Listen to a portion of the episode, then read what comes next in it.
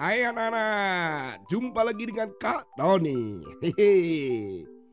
Kali ini kisahnya berasal dari Bolivia. Wah, Bolivia itu di mana ya Kak Tony?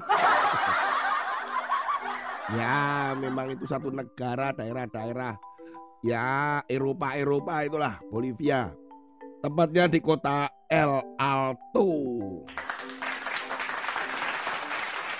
Seorang pekerja tambang bernama David Chok. Dia ini bermaksud menjadikan rumahnya yang ada di kota El Alto ini tempat wisata di mana banyak turis yang akan tertarik untuk berada di kota itu. Apalagi kalau melihat rumahnya. Maksud hati sih baik, tetapi dia terlalu tergesa-gesa idenya tidak disampaikan kepada tetangga sebelah kiri dan kanan atau didiskusikan dengan keluarga gitulah. Eh, dia punya ide akhirnya menghias rumah. Apa salahnya menghias rumah supaya para turis itu datang ke kota El Alto? Tetapi masalahnya dihias apa dulu? Masalahnya Pak David ini menghias rumahnya dengan patung-patung, yaitu patung setan. Nah, Pak David, Pak David. Dia memanggil seniman, kemudian memasang patung-patung setan itu ada di atap, ada di pintu, ada di dinding rumahnya. Bahkan dia memasang berupa tengkorak hitam. Wah, uh, dan bingkai cendela, ada gigi raksasanya di pintu depan. Wah pokoknya rumahnya jadi mengerikan begitu loh anak-anak. Aduh. Kemudian apa yang dilakukan oleh Pak David ini membuat para tetangganya marah karena tetangganya pada ketakutan. Itu loh perbuatan kalau tergesa-gesa itu. Maksudnya mendatangkan turis supaya datang ke kota El Alto. Nah, tapi malah turisnya bisa lari itu.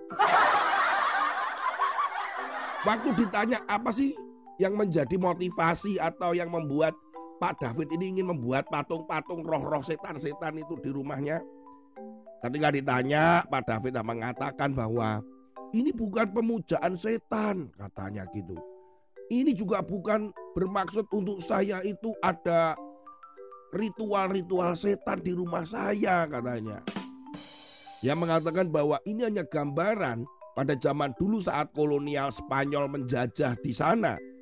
Itu para petambang-petambang itu ditakut-takuti dengan roh-roh ini.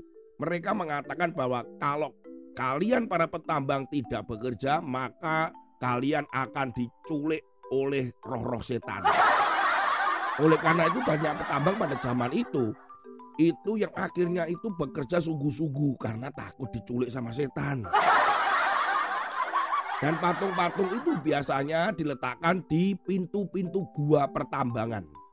Supaya mereka itu melihat patung setan dan takut, maka bekerja baik-baik. Bahkan akhirnya para petambang itu jadi memuja setan loh tuh. Waduh.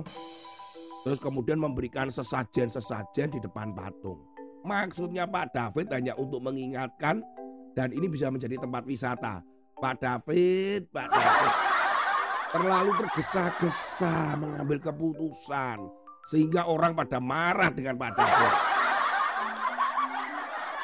Firman Tuhan hari ini ada di dalam Amsal pasal yang ke-19 ayat yang kedua.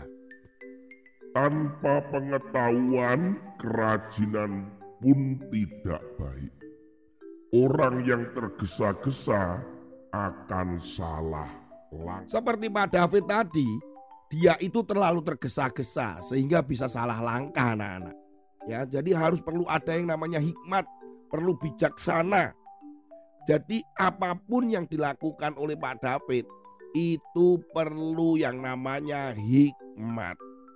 Jadi nggak boleh tergesa-gesa, juga nggak pakai hikmat, cuman pengetahuan saja. Wah, itu bisa-bisa menjadi masalah loh anak-anak.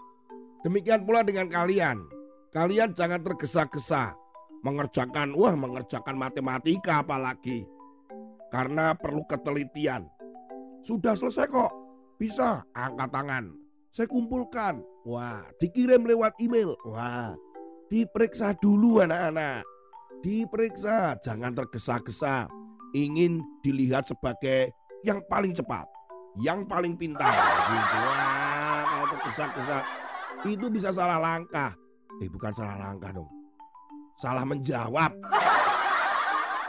Nah, nilainya bisa menjadi jelek nanti. Atau ketika kalian mengerjakan sebuah proyek atau sebuah karya. Jangan tergesa-gesa. Nanti bisa salah. Jadi perlu dipikirkan idenya kemudian didiskusikan dengan orang-orang yang memang mereka mungkin lebih mampu, lebih bisa atau didiskusikan dengan gurumu. Jadi nggak boleh tergesa-gesa anak-anak. Kak Tony membuat prakarya atau sebuah proyek gitu juga beginian. Pernah tuh tergesa-gesa, nggak memikirkan bagaimana nanti membuatnya, pakai apa, pokoknya ada ide, langsung dibuat. Hasilnya nggak jadi. Akhirnya ujung-ujungnya apa? Dapat nilai merah di rapot. Sampai papinya Kak Tony tanya, kok bisa kamu dapat nilai merah? Kak Tony tahu, itu karena tergesa-gesa.